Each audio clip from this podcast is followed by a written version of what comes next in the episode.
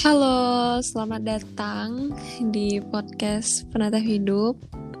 Jadi ini adalah podcast ketiga yang aku buat, tapi ini adalah podcast pertama collab bersama teman-teman. yang kali ini tuh salah satu dari teman kita. Ah, boleh deh langsung perkenalin biar gak terlalu lama juga ya kan. Halo semuanya. Halo. Selamat malam. Selamat malam. Bagaimana nih kabar Mbak Suara Semesta? Kemarin kita soalnya baru aja ya buat podcast di tempat Mbak. Iya, jadi kabar gue alhamdulillah baik-baik aja. Dan Alhamdulillah. akhirnya diundang nih di podcastnya penatap hidup. Duh rasanya. Terima kasih ya. dengan senang hati. Terima kasih juga. Soalnya gimana ya? Pengen juga gitu ada isi di podcast gue yang udah nganggur selama beberapa bulan. Karena kan gue nih udah buat akunnya itu dari beberapa bulan yang lalu, tapi baru sekarang sekarang inilah bisa buat. Iya. BTW nih, kemarin gue tuh ada buat podcast tentang kayak berbagi cerita gitu lah. Mm-mm. Nah, jadi gue tuh ngambil tema kemarin tentang tentang gimana gimana ya? yang pertama tuh yang gue rasain dalam hidup memasuki usia 20 tahun. Terus yang Hmm. kedua tentang bullying. Nah, gue waktu ngebahas yang bullying itu kayak pengen aja berbagi dengan teman yang lain, tapi gue nggak tahu mau ngajak siapa. Jadi ya mungkin lo bisa lah jadi teman berbincang gue gitu. Asik. Eh, Insya Allah bisa. Jadi nanti kita sama-sama sharing lah gimana gitu kan. Iya, sama-sama sharing. Oke lah, langsung aja ya, biar nggak usah lama-lama lagi nih. Iya. Udah pengen banget nge-host. Ya, iya gila. gue baru kali ini ngerasain eh, gue gak jadi host. Jadi kayak deg-degan gitu. Eh pernah deng kemarin sekali. Tapi ya aneh Mm-mm. kayak biasa jadi host. Sekarang jadi tamu gitu. gue gue juga kayak merasa aneh biasanya juga bin- jadi bintang tamu eh ini kok jadi host gitu Apa belajar Iya. jadi yang lain. menjadi yang lain tapi ini adalah kali kedua sih gue kayak gini Em, Februari lalu gue pernah ya coba-coba lah jadi kayak nge-MC gitu ternyata seru juga Ya kan seru. seru Bener. seru apalagi kalau ada em, pembicara yang nyambung yang asik banget gitu Ah gila lu gak salah ngundang gue sih nggak salah lah nggak salah pokoknya um, the best lah the best Iya. Jadi mau ngomongin apa nih? Host. oh ya kan tadi gue ada nyebut bullying tuh. Nah Hmm. bullying ini kan banyak banget kayak bukan pembagian sih tapi em, contoh-contoh dari perilaku yang akhirnya tuh bisa kayak tanda kutip ke bullying Nah, ya kan menurut Mbak Suara Semesta sebenarnya bullying itu apa sih? Kalau gue pencernanya bullying itu adalah eh, ketika seseorang apa ya melakukan em, suatu perbuatan yang jahat kepada orang tersebut korban dengan apa ya dengan cara menghakimi atau dengan cara yang Hmm. jahat sehingga membuat orang lain juga kadang ikut terpengaruh. Ya dan merasa korban itu terpojokkan nah, benar gitu. benar benar Terancam Nah, lah, terancam lah ya kalau perilaku jahat itu yang kayak gimana sih Mbak Suara Semesta soalnya kan jahat ini banyak nih artiannya kan Heeh. Oh iya iya iya. jahat yang seperti apa nih kalau Jadi bullying kalau oh kalau bullying itu ya jahatnya misalnya Mm-mm. nih em, dia apa ya? Aduh, bingung nih. Nggak apa-apa, nggak apa-apa. Misalnya misalnya dia ini em, membuli si korban dengan eh, perilaku jahatnya kayak Iya. gini. gimana Contohnya adalah eh, misalnya nih si korban punya em, apa ya tubuh yang yang enggak nggak sesuai standar lah gitu ibaratnya ya Hmm. ya kayak gitu jadi ini contoh pembulian fisik ya Ah. misalnya Gak Apa apa-apa kan? kan banyak tuh tadi jadi ya udah si pelakunya ini ya sampai ngata-ngatain yang benar-benar ngatain dan Hmm. jadi teman-teman yang lain juga ikutan Ah. ngejek dan ngebully sampai benar itu Iya, kan jahat jahat, banget, ya jahat. walaupun kadang mungkin ya bercanda tapi ya juga sih sebenarnya. Nggak nggak bercanda nggak sih bercanda sih sebenarnya. Kalau misalkan kita niat bercanda pasti ada kata yang lebih baik diucapkan daripada kita menghina fisik mereka. Apalagi nih ya kan kayak em, kalau bilang tadi tuh apalagi kata-katanya itu sampai nge-influence orang untuk ngebully dia juga. Iya. Nah, itu tuh jahat Hmm. banget sih menurut gua. Karena gimana ya? Sedangkan satu kata aja, satu orang aja yang ngucapin hal buruk tentang dia itu udah down. Apalagi kalau sampai banyak orang gitu. iya benar seperti itu Itu bisa dibilang kayak kalau tadi kan eh pembulian secara fisik itu berarti kayak body shaming gitu nggak sih? ya masuk Mm. lah Cabang ya. cabang body shaming Kalau kalau pengalaman nih pernah nggak em, lo kayak nemuin korban dari body shaming atau nggak pelaku dari body shaming? Mungkin bukan lo sendiri tapi em, orang-orang di sekitar atau di lingkungan lo gitu. Bagi-bagi cerita dong. Hmm. Ada sih. Jadi ini salah satu teman gue juga ya kan, teman kita. Iya teman kita. Jadi eh, di lingkungan dia ini tuh adalah kayak kakak-kakak senior Mm-mm. gitu kan, biasa di Mm-mm. kampus. Jadi em, si kakak-kakak seniornya ini tuh deket nih sama pacar si teman kita ini ya kan. Oh iya ya. Orang itu kayak apa ya? Se-circle lah cowoknya ini sama kakak-kakak yang tadi tuh. jadi em, si kakak ini tuh sering lah kayak kayak ngebody shamingin si perempuan ini si teman Iya, kita teman ini kita. yang ngatain lah em, ih apa ya kayak mana ya? Duh gue lupa sebenarnya percakapan yang persis kayak mana tapi ini yang mirip-mirip lah ya kayak ya mendekati lah intinya intinya sih gitu. Ya intinya kayak gini ngatainnya ih eh, nggak cantik juga pacar lu gitu misalnya gitu Oh. kan terus em, ba- apa tubuhnya nggak bagus kurus kurus gitu Mm-mm. dan lain-lain lah pokoknya gitu.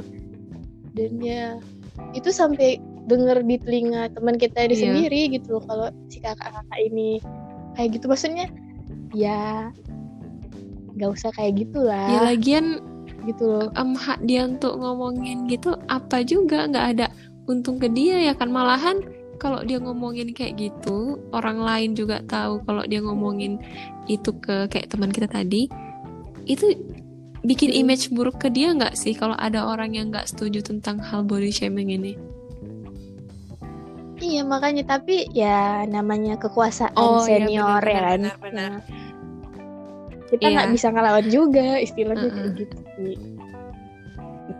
Terus ada juga tuh jadi eh eh, dia orang yang sama Hmm. juga nih.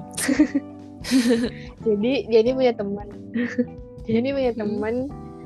Eh, temannya ini tuh dulunya suka sama eh, si cowoknya ini. gitu-gitu juga ya Jadi teman kita ini punya cowok, cowoknya ini tuh uh, famous lah ya Iya, iya. istilahnya. Jadi uh, si yang body shaming ini uh, curhat nih ke temannya.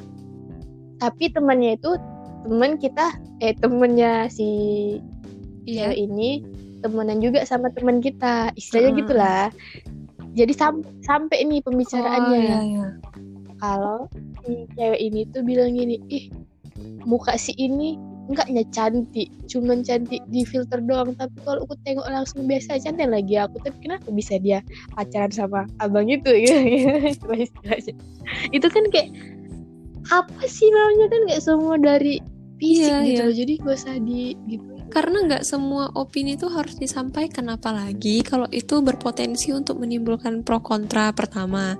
Terus um, apalagi kalau itu Mm. menimbulkan apa ya rasa sakit hati terhadap orang yang udah ngucapin Iya. itu. Nggak punya hati memang dasarnya. Dan dan ini ya masalah yang tadi tuh ini ini menarik nih. Kan tadi em, lo bilang apa sih cantikan juga aku ibaratnya gitu ya tadi ya orang dia cantiknya Hmm, iya, karena iya. filter doang gini nih kita Iya. semua kan pasti pengen terlihat em, versi terbaik kita image kita tuh kan harus kita jaga kan. Mm-mm. ya salah satunya dengan kalau kita posting ke sosial media juga kan kita nggak mungkin menampilkan foto kita yang jelek pasti kan yang paling bagus yang paling cantik kalaupun boleh itu bener iya mumpung ada nih filter Instagram nih ya udah dipakai lagian Heeh. apa sih apa sih impactnya kalau misalkan ngata-ngatain seperti itu lagian nggak mungkin nggak mungkin ada orang di dunia ini sekarang yang udah kenal filter Instagram itu nggak pernah pakai filter Instagram bohong sih menurut gua Iya, bahkan sampai yang udah memang cantik Iya, pakai kan, istilahnya gitu. Bukannya Ya maksudnya ya udah lah urus aja diri dia Hmm. sendiri kenapa? Misalnya malah dibilang-bilang ke orang juga Iya, itu gitu. Itu kan kayak Oke lanjut lanjut. kalau dari kalau dari gue sih biasanya gue sih biasa aja sih maksudnya gue anggapnya orang itu bercanda sih Kalau kalau misalkan pun eh, lo pernah kena hal kayak gituan lah ya, lo anggapnya bercanda. Mm-mm. Berarti nggak usah dimasukin Iya. ke hati. Tapi kan yang namanya mood perempuan Is, kan kadang banget, berubah-ubah bener-bener. kalau moodnya nggak bagus Mm-mm. ya udah itu nggak bercanda sih Kalau jadinya gue lebih sering kayak gini sih. Ini adalah kata-kata yang menurut gue tuh termasuk ke bullying ya. Kayak gue lagi mau ke acara nih, terus gue dandan, make upan dong, ya kan. Hmm. Berhubung waktu gue make upan itu gue kayak keringetan. Jadi kalau misalkan Mm-mm. gue templok pakai bedak itu kesannya kayak nemplok, kayak dempul gitu. Nah jadi Iya, iya. ada yang bilang gini kok menor cuman dua kata aja tuh kok menor itu kayak langsung mood gue tuh Hmm. hancur seharian sumpah itu memang dia nggak berniat untuk gimana gimana ya tapi harusnya dia tuh ngerti posisi gitu. Jangan jangan ngomongin di Iya, saat yang seperti itu. Atau nggak kalau dia mau ngomongin dia kasih solusi. Jangan kok menor itu kan kayak terkesan ya lo langsung ngejudge gue gitu. Iya kan? Ya ampun, Hmm. gue tahu, gue tahu tuh posisinya memang lagi agak tebelan gitu lah, tapi nggak usah dibilang juga. Atau nggak dia kasih solusi? Em, em, itu coba em, agak di tap tap dikit, soalnya kayak agak dempul di beberapa bagian. Pasti kalau udah agak ditepuk-tepuk tuh bakalan bagus lah. Nah, kayak gitu kan enak, ada solusi gitu dia Mm-mm. kasih. iya iya iya kayak kesel gitu aja sih. atau enggak misalnya dia walaupun bilang tiba-tiba gini ih kok menor Ah, gitu ah, kan misalnya nah aturan diiringi juga di belakangnya dengan kok menor terus kayaknya ini bagusnya yang gini Ah, deh iya. nah, nah, nah, nah, itu kan agak sedikit lebih benar-benar karena Iya. kayak mana ya nggak semua orang tuh dalam mood yang bagus.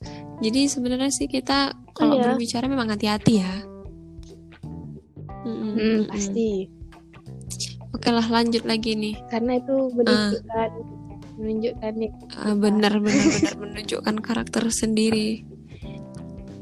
Ada lagi Iya. nggak ini bahas suara semesta soalnya kayaknya seru nih bahas-bahas yang kayak gini. Apa ya? Memang yang paling banyak itu ya kayak gitu tentang kayak body shaming sih. gitu lah ya. Iya. Akhirnya orang-orang yang kena kasus bullying secara fisik atau kayak body shaming atau iya tentang penampilan nih itu jujur mereka tuh jadi merasa nggak dihargai merasa insecure dan merasa ah ya udahlah bodo amat juga gue penampilannya kayak gini kayak gini terus dikatain. Mendingan gue Iya, apa bener-bener. adanya ya kan? Berikan gue yang kayak gini aja. Akhirnya mereka tuh kayak bodoh amatan tapi bodoh amatan pun juga dibully. Kayaknya memang kalau iya kalau manusia ini ada aja. Ya ada aja. Gue nggak munafik memang eh, padahal oh Ya, lanjut, iya, ntar lanjut. ya. Apa ntar ya mbak suara semesta. Gue nggak munafik sebenarnya. Kadang pun gue juga berpikiran hal-hal seperti itu. Cuman gue gue memilih untuk bungkam nggak usah speak up gitulah iya. Nggak itu itu hal yang nggak penting sih. Kayak kejadian yang iya maksudnya masih banyak yang lebih penting. Kan? itu betul. Kayak kejadian yang beberapa hari lalu trending di Twitter nih sampai sekarang. Iya masih Iya saya masih pantau. dipantau ya kan ah udahlah pokoknya pening lah kalau masalah kayak gitu seolah-olah yang ngatain ini paling sempurna aja menurut gue Iya sih Mm-mm. makanya itu seharusnya nggak usah dikata-katain Iya. karena kan setiap orang apa ya punya caranya sendiri untuk terlihat lebih Bener. baik kan kita baik salah nggak baik pun salah di mata orang jadi ya gimana ya udah memang pada intinya Hmm, ya jangan nyakitin orang lain lah kalau nggak mau dirinya tersakiti tepuk tangan tepuk tangan karena ya udah misalnya Heeh. nih kita berteman Iya. kan terus eh lu ini suka makeup Mm. gitu kan gue enggak Iya. misalnya terus ya maksudnya kan gak mungkin gue bilang ih gak usah gak usah make upan dong gini gini bla bla bla kan Iya. gak mungkin kan maksudnya itu kan dunia kita udah beda. beda. Yang penting kan gue har- hargai dan ya udah gue tuh dia maksudnya ya terserah. Kalau itu menurut dia baik ya gue kan iya support. benar benar. Rasanya kenapa sih nggak bisa kayak gitu di dunia ini lagi di Betul. Indonesia? Karena gimana ya sedangkan sikap toleran yang hal dasar aja pun kita kurang bisa mengerti gitu apalagi untuk hal-hal yang seperti itu.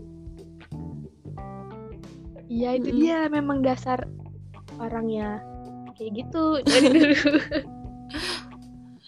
Apalagi nih ya mau pindah negara. apalagi nih ya kadang yang paling nyebelin tuh mulut tetangga. Nggak tahu kenapa menurut menurut gue sendiri bener-bener hal yang paling bahaya itu adalah mulut tetangga. Coba coba em, lo ceritakan pengalaman. Kayaknya lo ini punya nih banyak pengalaman tentang tetangga tetangga ini. Tuh dasar tetangga bi- biasa ya namanya tetangga kalau nggak ngegosip ya Iya, nggak hidup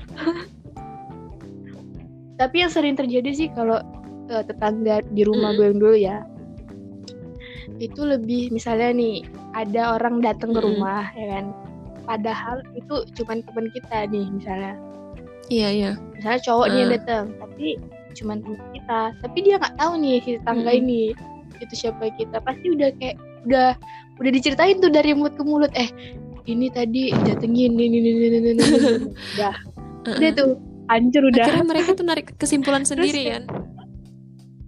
Iya bener. Jadi kayak apaan sih aduh.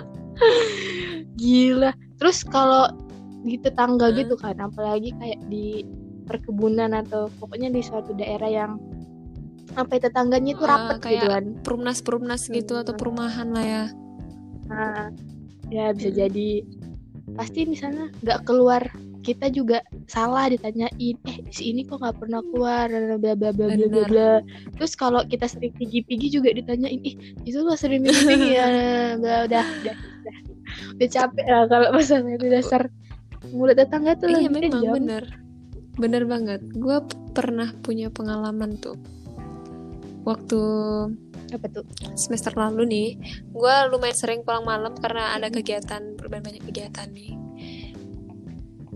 Gue tuh kalau pulang malam kayak diantar temen gue tuh nggak mau lewat depan gang. Gue tuh milih lewat belakang. Bukan karena apa-apa karena ini ya lucunya tuh gini. Yang di depan tuh banyak kayak cowok-cowok kumpul ya kan? Mereka malah ngegibah gitu loh. Cowok ngegibah itu kayak are you serious? Maksudnya apa nggak punya kesibukan lain gitu? Cowok kok iya bener gibah Nah, main iya game kayak mabar gitu kan. Ini cowok kok ngegibah sih? Please lah tolong lah sampai akhirnya nih mm, gue pernah lewat depan sekali. Karena menurut gue tuh kayak masih jam tengah 8 pokoknya kayak abis-abis um, azan isya lah menurut gue tuh kayak ini nggak terlalu malam nggak kayak gue biasanya pulang tuh. Tapi mereka udah kumpul aja di situ mungkin efek karena malam Sabtu kali ya.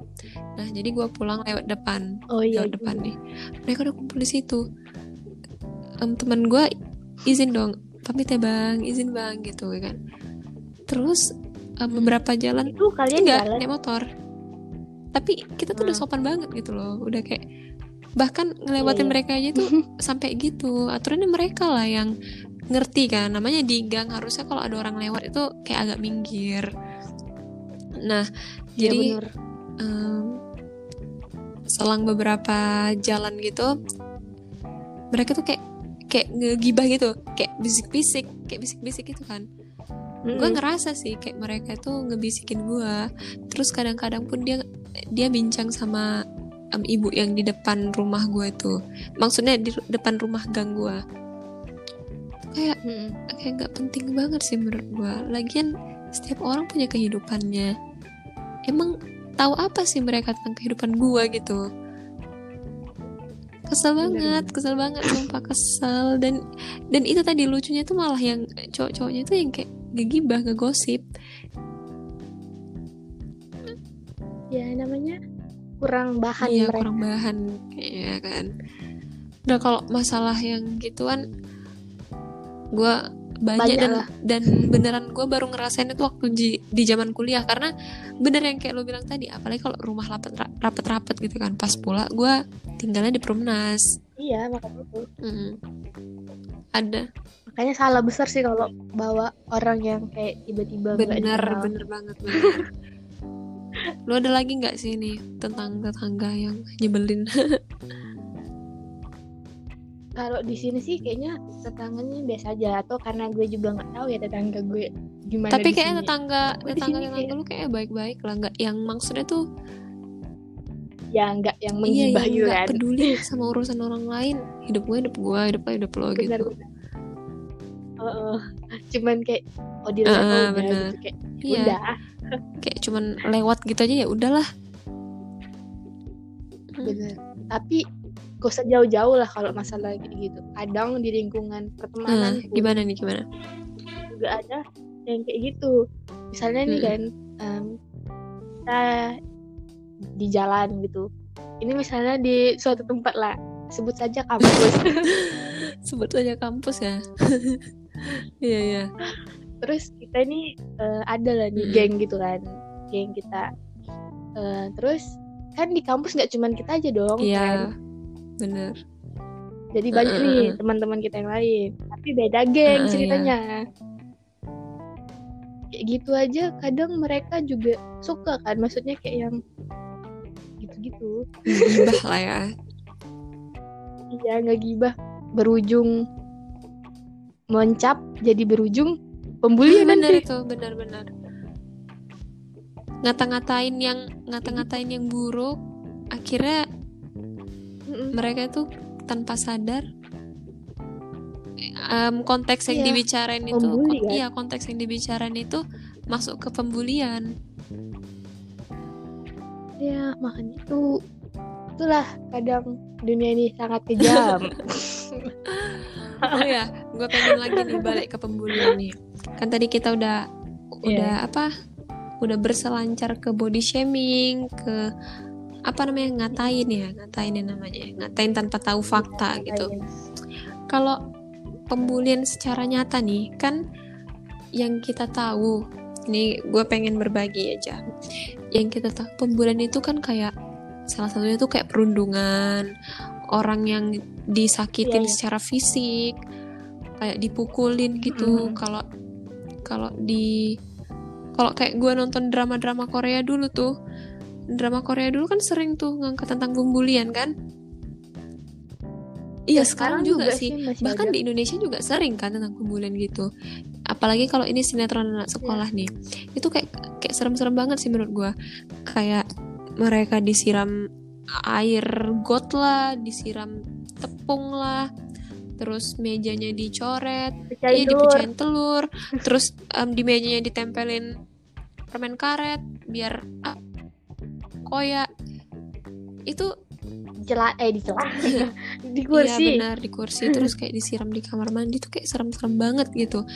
Gue sampai berpikir nih ya, sebenarnya mereka dapat inspirasi itu dari mana sih? Apa sebenarnya mereka yang psikopat sampai membuat scene seperti itu atau niat mereka itu malah mengedukasi tentang pembulian? Karena menurut gue nih sendiri ya, apa yang mereka tayangkan di televisi itu di sebuah tayangan itu malahan jadi kayak apa ya kayak trending gitu ke anak-anak muda zaman sekarang kalau orang itu pengen Hmm, pengen iya, terlihat iya. keren itu misal nih misalnya ada cewek nerd ada yang kayak culun gimana mereka tuh kayak ngikutin zaman tren gitu ngebully ngebully dia dengan cara apa yang mereka tonton dari kayak televisi dan yang lainnya bener kan Bener.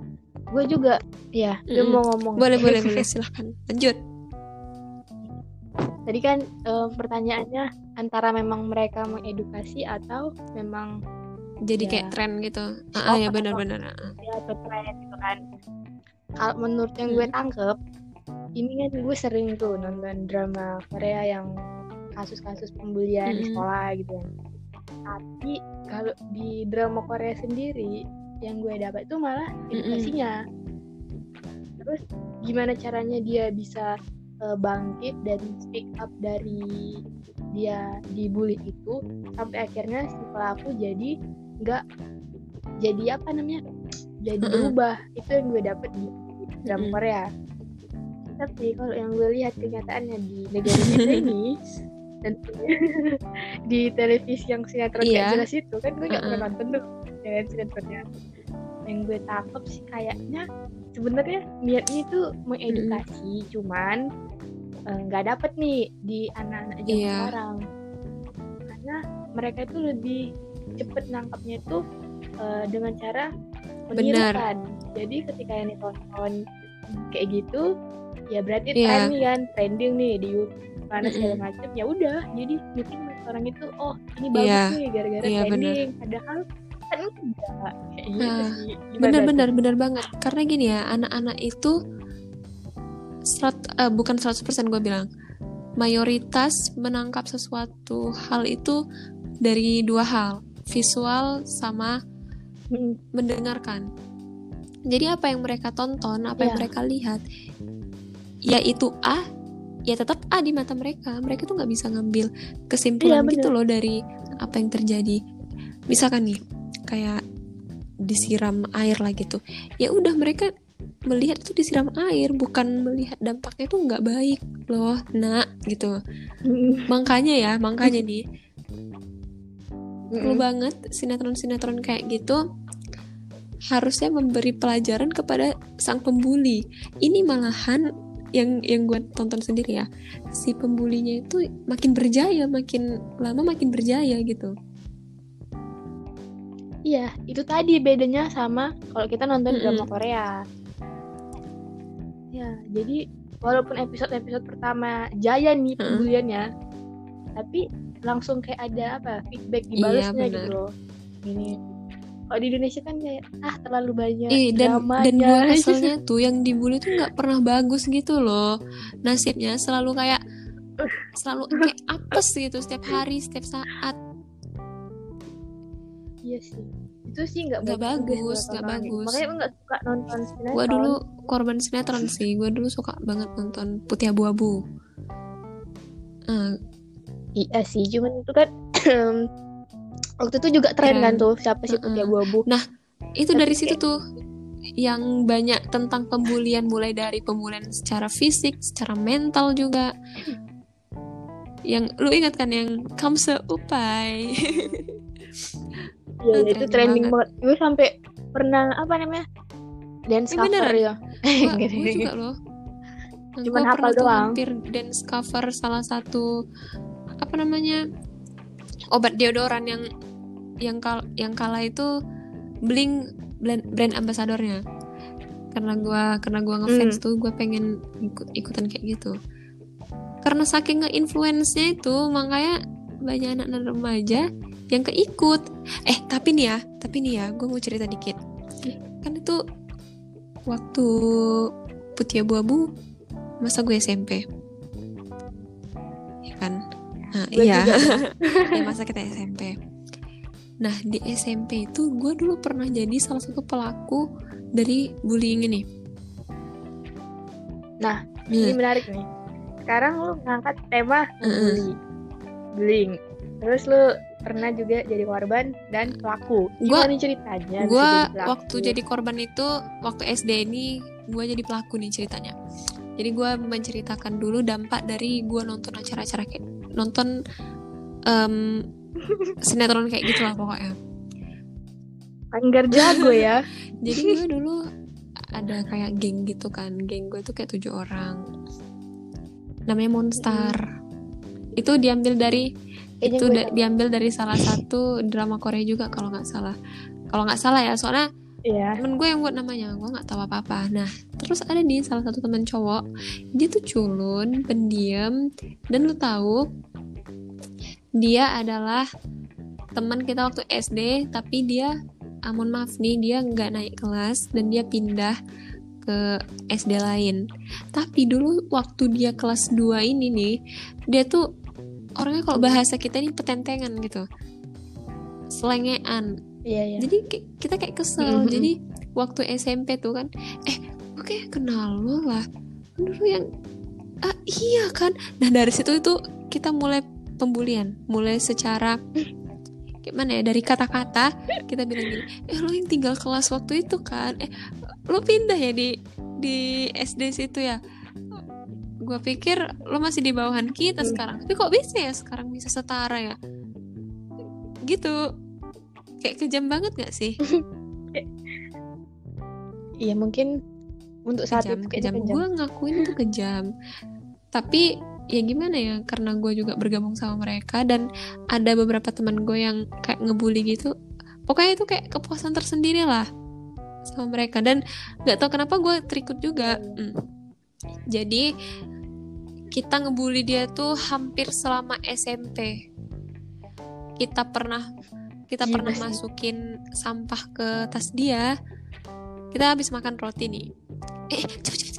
Masukin masukin masukin weh. cepet masukin sebelum dia datang. Nah waktu dia datang kita kayak nahan tawa terus waktu dia ngambil buku dia ngeliatin kita kan sambil dia diem aja. Anehnya kita tuh ngebully cowok loh saat itu. Dan cowoknya dan diem dia aja lagi. diem aja. Sampai orang uh, orang lain bilang kan udah lah we kalian ini jahat kali lah sampai kayak gitu. Sampai ada kata-kata kayak gitu kan. Sebenarnya gue udah mau tobat sih saat itu. Tapi ada temen gue yang ayolah ayolah ayolah gitu-gitu. Jadi ya gue lebih setia setia uh, terhadap temen gue dan gue menyingkirkan rasa kasihan gue ke teman cowok gue itu. Akhirnya waktu kelas 3 pas perpisahan kita juga minta maaf ke dia kan karena poin selama ini nah, terhadap dia itu jahat. Mungkin aja dia terlihat baik-baik aja ya kan? Hmm. terlihat baik-baik aja, baik-baik aja di depan. Kita nggak tahu kalau di belakang itu gimana kondisi mental dia. Nah itulah. Gue jadi kayak ya ampun sejahat itu kah gue dulu? Itu lu tau karena apa? Karena gue terkadang juga terinspirasi dari pembulian yang ada di TV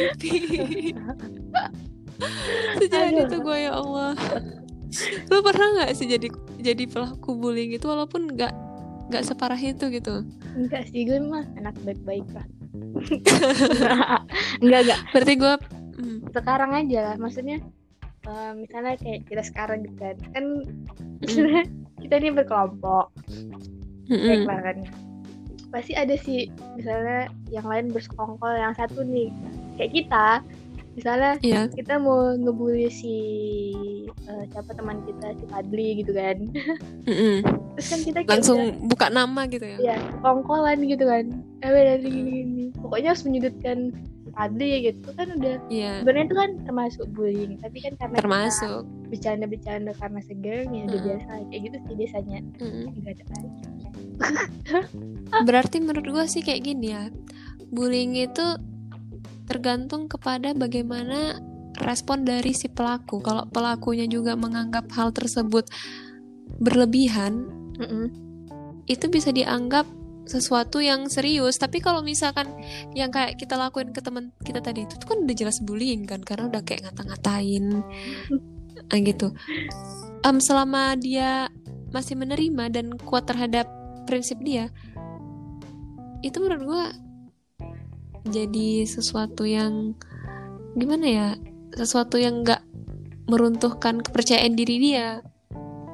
Iya, tapi kan kita nggak tahu apa yang sebenarnya ada di hati dia. Mungkin Iya benar. eh bercanda bercanda, rupanya pas tengah malam dia pikir lagi, ih apa ya teman-teman gue jahat. Pas pas tengah malam dia overthinking, insecure. ya jadi yang lagi overthinking dan insecure boleh mampir ya ke podcast Suara Semesta. Ah, benar. Dan ini nih satu lagi nih. Mm-mm. Kan kalau tadi kan kita kayak bahas-bahas fisik ya, karena yang gue lakuin ke temen gue yang SMP itu dulu bukan cuman kayak sebatas ngapain plastik itu, kadang juga kita mau kayak cubit-cubit dia loh.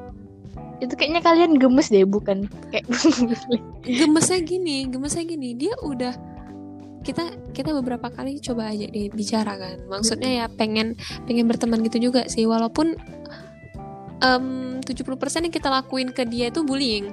Nih kita udah panjang lebar cerita sama dia bicara panjang lebar sama dia. Lo tahu respon dia itu apa? Apa? oh. Oh gitu aja. Dia tuh kayak nyebelin aturannya ya sebagai seorang korban bullying dia tuh harusnya kayak merasa takut kayak merasa segan gitu sama yang udah ngebully dia ini dia kayak malah bikin orang tambah kesel gimana coba ya sih. Jadi itu siapa sih? tuh ada namanya gua gua langsung bilang aja lah ya, mohon maaf nih gua nggak nggak ber nggak berusaha nggak berniat menyinggung lo Cuman berbagi Panggil aja. ya. Eh, panggil aja dia Tama Oh, dia sekarang gimana nih sama gua nggak tahu Duh, kita buat Ama yang gimana pun berada. Oh, sebagai korban bullying Zora dan kawan-kawannya, mohon maaf lah. Mm-mm. ya mohon maaf ya mohon maaf banget itu dulu ya apa ya keindahan masa-masa SMP sih Ya sih. Eh. Mm. Tapi ngomong-ngomong namanya Tama, bukan Tama itu kan? enggak dong gue tuh tadi udah tahu makanya gue sengaja ini ini siapa sih nama temen gue nih gue pengen nyari inisial yang lain eh maksudnya alternatif nama yang lain biar nggak ada kesalahpahaman antara kita berdua Apaan sih? Oh, jadi ini sebenarnya nama asli apa nama? eh, nama asli dia nama Pratama gitu asli? Oh, ya udah kenapa gak Pratama aja, Bambang? Iya, karena gue manggilnya tuh Tama, jadi lebih enak kayak Tama gitu. Hmm. Ada cerita lain nggak ini, Mbak. Suara Semesta? tentang apa? Tentang bullying juga. Mm-mm, tentang bullying atau enggak? Ya, menurut Mbak Dina nih, apa sih dampak yang paling serius dalam pembulian ini? Ya, yang pasti adalah dampak mental. Ya, Mm-mm. em, bisa jadi dia tidak tidak percaya diri atau takut sama Ya. orang lain, Bener. tertekan. Mm-mm. Karena dia ketemu orang baru nih, padahal orang barunya biasa aja gitu. Tapi dia udah berpikir enggak enggak jangan jangan Iya bener-bener. ya dampaknya ya, mental terus pikiran yang kacau balau Is itu yang bener berantakan banget, bener-bener. Dan pokoknya banyak ya gimana sih ya gitulah Bener, bener banget. Apalagi mental tuh ya. Kan gimana ya? Gue ada lagi nih cerita tentang mental. Gue dulu pernah kena. Menurut gue nih salah satu gangguan mental karena gue sempet em, konsultasi ke psikiater. Dulu mama sama papa yang bawa gue ke psikiater. Setelah tahu, eh kok setelah tahu? Maksudnya akhirnya dari situlah semuanya terbongkar. Jadi gue tuh pernah kayak bukan dibully ya itu salah satu dibully sih menurut gue karena gue kayak diancam gitu. Pokoknya jangan ngomong ke siapa-siapa kalau gue udah ngerampas uang lo gitu. Berani gitu lah itu berlangsung setahun dan itu eh dan itu terbongkar waktu di kelas 4 SD jadi gue mulai tertekan mulai dari kelas 3 SD lah. Awalnya gue biasa aja sih nanggepinnya karena gue pure pengen temenan sama dia karena dia tulus awalnya. Gue juga ngasih um, kayak seribu dua ribu adalah lo boleh jajan gitu. Tapi nanti balikannya kembaliin ke gue ya. Tapi kok makin ngelunjak akhirnya dia nguasain semua uang gue dan akhirnya yang dia balik ini tuh jadi cuma seribu lima ratus. Gue dapat apa coba makan segitu? Iya kan? Gak makan lo ya. Nggak makan jadinya. Nah dan semua itu terbongkar karena satu cerita ini. Jadi gue dulu um, duduk nih waktu kelas 4 duduk di pojok kiri bersama um, temen gue gue kayak berterima kasih banyak sih sama dia. Karena kalau nggak gue gores tangannya pakai um, lu tau kan pensil yang belakangnya itu kayak ini yang pakai penghapus tapi penghapusnya itu ada Habis. pinggirannya. Iya habis. Pinggirannya kan tuh kayak runcing-runcing itu kan besi-besi. Nah, nah jadi gue nggak sengaja ngenain tangan temen gue itu. Jadi gue kayak merasa bersalah banget sama dia ya kan sampai berdarah sampai berdarah tuh. Terus gue bilang eh i, aku minta maaf ya kalau gue bilang gitu. Jadi nggak berapa lama guru datang dong ke meja kita. Berhubung berhubung dia orang yang nggak terlalu penting-penting kali gue nggak apa-apa lah ya ng- ngucap namanya ya. Iya boleh. Jadi guru datang ke meja kita ke meja kita kan. Terus dia ngeliat em, tangan temen gue tuh kayak berdarah gitu terus ditanya kan loh Michael kenapa? Bu saya nggak sengaja bu serius nggak sengaja em, kenain tangan dia gue bilang gitu. Terus malahan guru gue tuh salvo ke kepala gue din. Hmm. Hmm. Guru salvo ke kepala gue, em, ibu itu ngeliat kalau kayak kopong gitu kepala gue, botak, botak atasnya, ya kan. Terus gue beralibi kalau gue tuh kayak terkena sleepwalking, gue jalan sendiri, terus ngambil gunting sendiri, kayak gunting rambut sendiri gitu. Hmm, padahal itu Ya cuman alibi doang, padahal yang gue lakuin itu kayak setiap malam itu gue kayak cabutin rambut nggak tahu kenapa kalau gue cabutin rambut tuh kayak merasa tenang aja oh pantas ya rambutmu rambut lu sekarang agak Iya, beneran beneran beneran itu kayak berpengaruh gitu sih. Mungkin menurut gua karena akarnya juga udah nggak terlalu bagus kali ya. Nah, Terus, terus? jadi nah jadi mulai saat itu cuman temen gue ini lah yang tahu ceritanya. hmm. Em, si gue kayak nggak enak gitu sih ngucapnya. Si M itulah. Terus terus kan em, dia nanya sama gue nih. Eh, emang lo kenapa sih? Katanya gitu? yang gue bilang sama gu- ibu tadi lah gue bilang gitu sama dia. Allah lu bohong lu ya kata dia gitu. Enggak Mm. lo betul lo. Eh tangan lu nggak apa-apa gue bilang kan. Nggak apa-apa. Eh tapi lu kayak punya masalah lu kan pasti sama si itu kata dia. Dia langsung tahu sumpah langsung tahu serius. Kenapa dia bisa langsung tahu ya ya kenapa ya? Mungkin karena gue gue kan sering tuh duduk sama dia barengan. Dulu gue kalau nggak duduk kalau cowok ya duduk dulu gue kalau nggak duduk sama Alex ya sama Michael itu. Hmm. jadi ya mereka tuh kayak tahu gitu lah rahasia rahasia gue gitu walaupun gue nggak ada ngasih tahu. Nah jadi waktu sampai rumah gue nggak tahu ya entah itu guru nyampein ke mama gue atau gimana. Mama gue juga nyadarin kalau misalkan rambut gue makin lama kayak makin rontok gitu. Akhirnya mama gue datengin temen gue satu-satu. Gue nggak ngasih tahu alamat sih tapi mama gue langsung ke temen gue yang kembar. Lu tau kan pasti teman gue kembar Iya. siapa? Nah ke situ. Dan juga ke beberapa teman gue ada namanya Winda Wiranda. Gue thanks banget untuk kalian semua. Nah terus mereka kayak ngungkap gitu dari kelas 3 itu apa aja kelicikan yang udah dilakuin temen yang bully gue nih yang udah ngancam-ngancam gue akhirnya mama gue pulang nangis-nangis dan gue dibawa ke psikiater besoknya. Gue nggak ingat sama sekali apa yang gue bilang di ruang psikiater tapi kata mama gue gue kayak marah-marah teriak kayak ya nggak jelas gitu lah pokoknya kayak udah ngungkap semua apa yang gue rasa di situ. Hmm. Itu psikiater yang mana? Di mana? di rantau dan Hmm. gimana ya? Itu mempan banget sih menurut gue dia ngasih juga obat eh, sampo untuk obat gitu. Em, apalagi ya obat kayak penenang gitu. Gue sempat minum obat kayak penenang gitu. Padahal menurut gue gue nggak kenapa-napa. Cuman dia bilang ini tuh adalah salah satu gangguan. Ini gangguan entah apa namanya? Jadi kita itu terangsang untuk kayak cabut-cabut rambut. Begitu kita cabut kita kayak rasanya plong gitu. Hmm, Hmm, ya udahlah.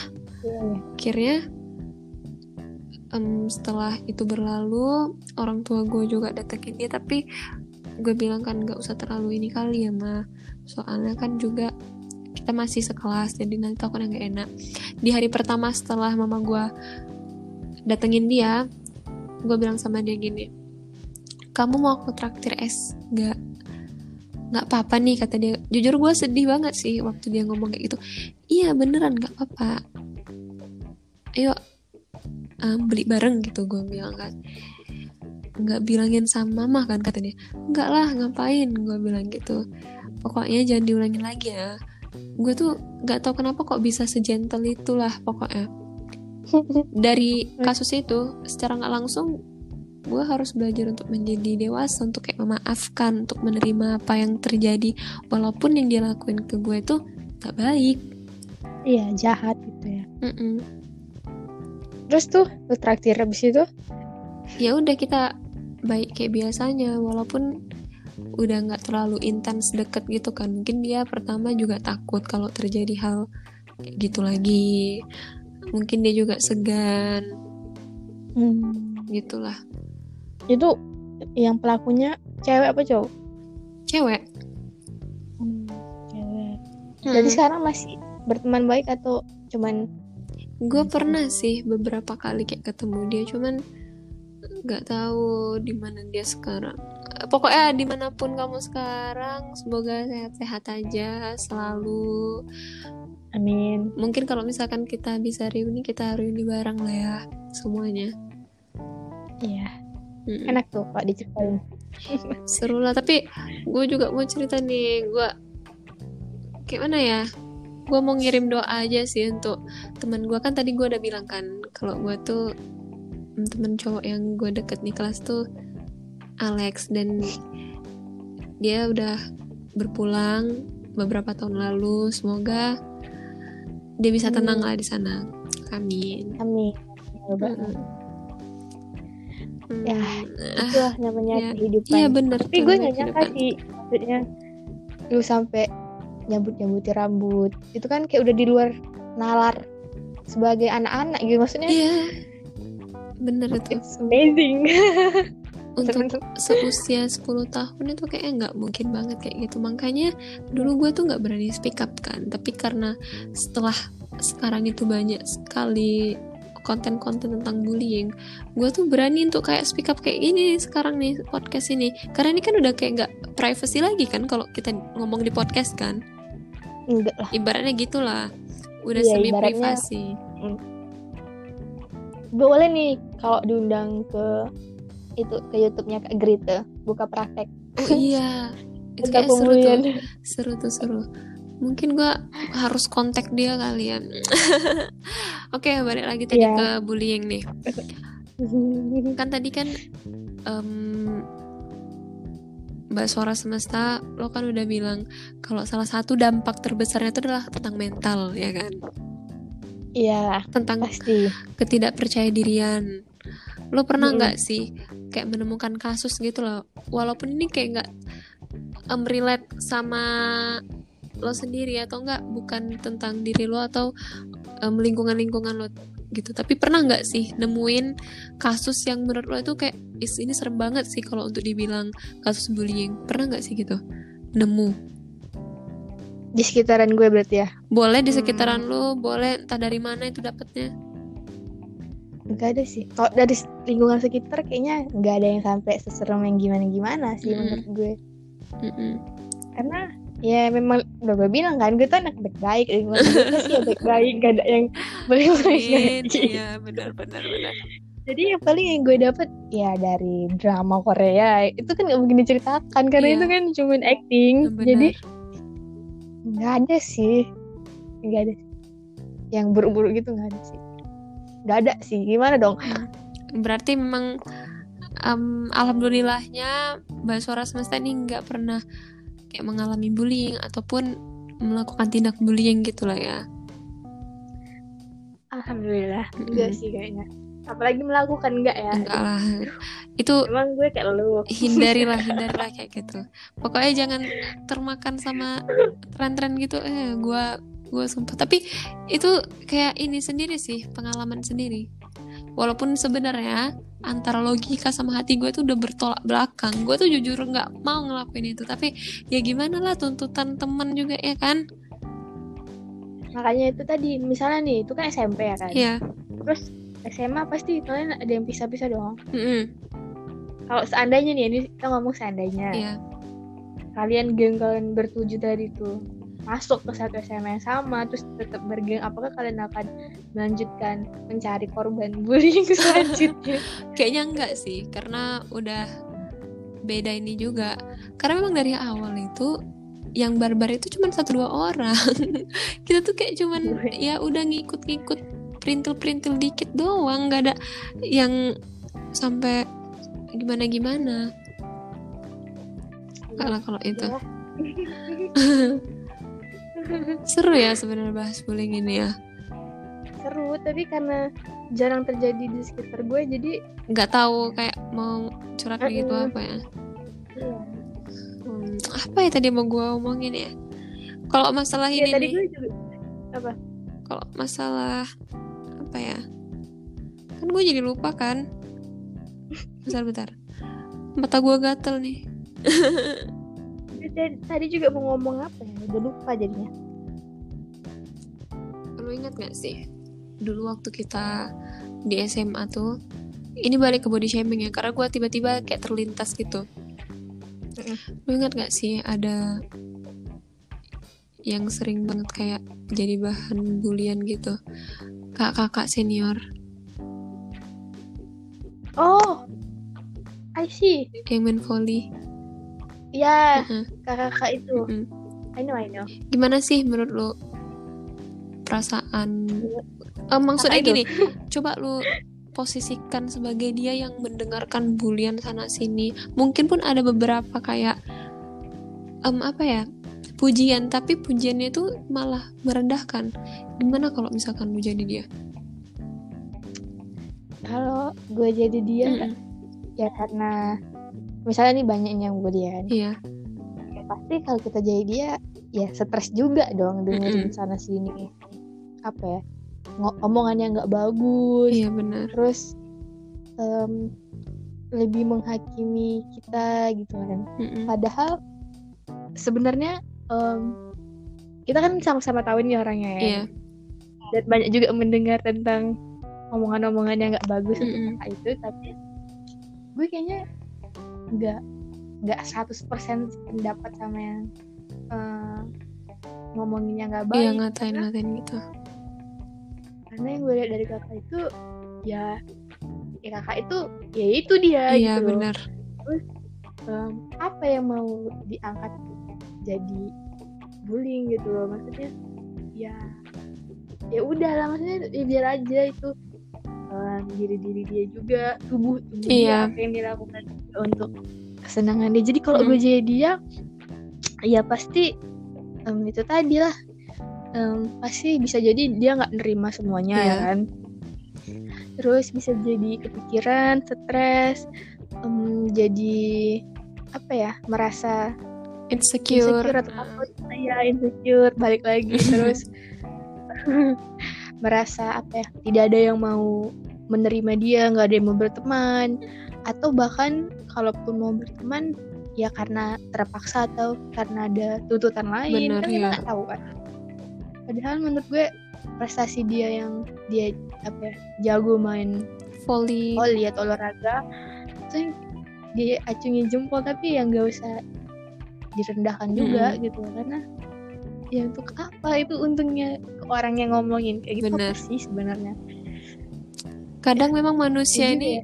bener kan yang kayak kita bilang kemarin apa sih yang pertama kali dilihat dari orang itu bukan apa-apa kecuali yang pertama adalah penampilan tapi bukan berarti Iya sih. kalau kita boleh ngejudge penampilan orang lain Mm-mm. ayolah kakak itu tuh menurut gua keren banget. Prestasi yang udah dia torehkan itu udah banyak.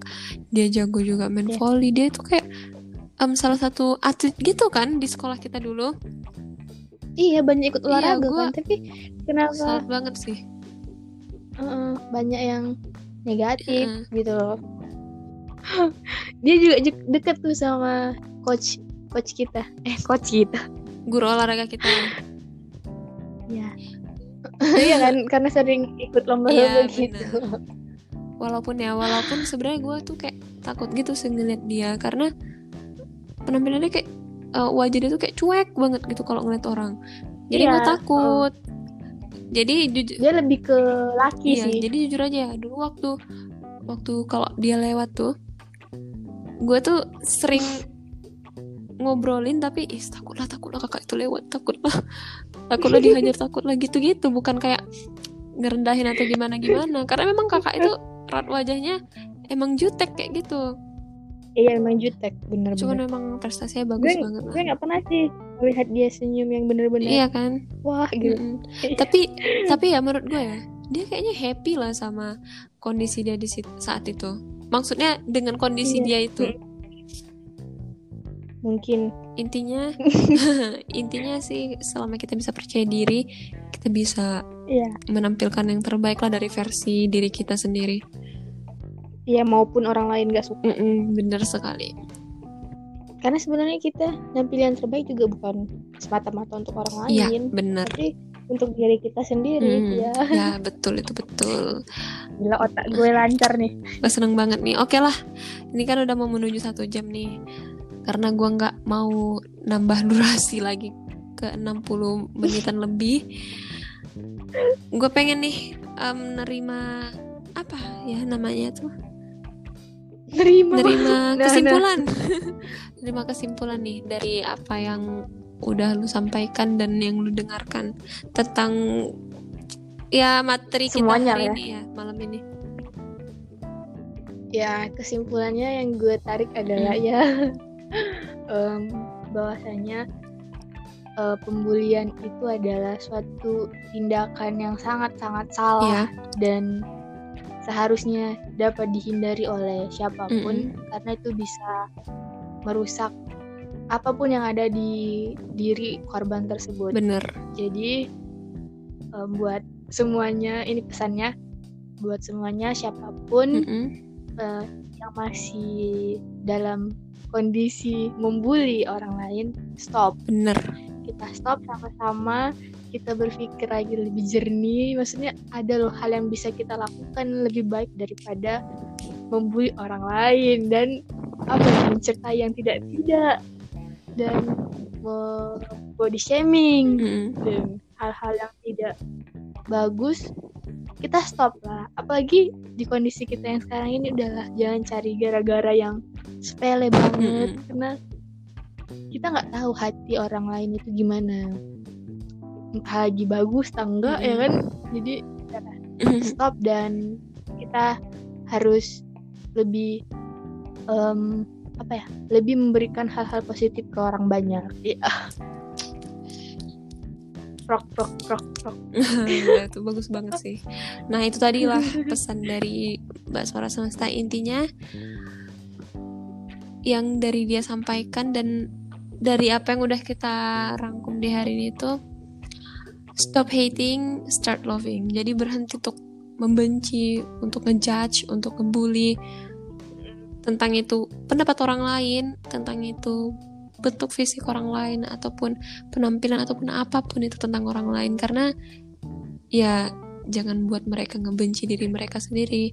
Ayolah kita sama-sama manusia pasti kita pernah merasakan hal tersebut. Jangan mentang-mentang kalau kita pernah ngerasain sesuatu yang buruk, kita juga um, ingin orang lain untuk merasakan apa yang kita rasain.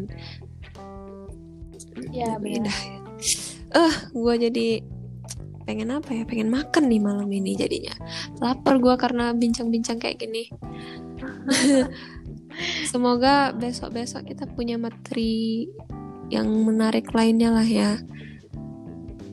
ya semoga hmm. semoga bisa bercengkrama lagi. Hmm, Oke. Okay. Ya sebelum penutupan. Semoga yang dengerin, eh semoga yang dengerin hmm. bisa mengambil hal-hal positif dan membuang negatifnya. Amin. Ini gue mau penutupan nih. Sebelum penutupan, gue mau minta maaf um, untuk orang-orang yang mungkin nyasar ke podcast ini, terus merasa namanya terpanggil, merasa dirinya disebutkan di sini. Gue dan suara semesta mohon maaf sebesar-besarnya karena ini gak ada menyinggung atau gimana-gimana ini tuh pure yeah. untuk memberikan memberikan pertama itu memberikan edukasi, kedua tuh memberikan pengalaman karena belajar dari pengalaman itu adalah guru terbaik dalam kehidupan dan yes. dan juga ya agar tidak terjadi hal seperti ini di suatu hari nanti. Kita sama-sama belajar dewasa dan konten ini, konten di sini tuh bukan untuk menjelekkan, menyinggung siapa pun. Untuk yang udah dengerin, terima kasih banyak udah mendengarkan bacotan selama kurang lebih ini nanti satu jam, jam lebih. lebih tiga menitan lah gitu. Semoga kalian bisa mengambil sisi positifnya dan menyingkirkan sisi negatifnya. Ya, seperti itulah. Ya jangan lupa juga mampir ke podcast Suara Oh iya mampir juga ya teman-teman karena di sana tuh banyak banget mengenai perasaan-perasaan yang terpendam tuh wajib banget sih ke sana. Wajib yeah. banget ke sana. kalau di penatap hidup mungkin kita lebih kayak kehidupan gitu ya. Gue takut nih kalau misalkan ada yang denger terus ketahuan dah kira gue. gue kalau gue kalau mau cerita aja. Oke lah sekian dulu teman-teman semuanya. Okay. Terima kasih untuk suara semesta. Makasih uh, kembali. Terima kasih juga. Dan akhir kata saya ucapkan sampai jumpa di episode selanjutnya bersama saya penatap hidup dan dan saya suara semesta. See you. See you. Bye. Bye. Gue tutup nih ya. Satu, dua, Siap, tiga. Bos.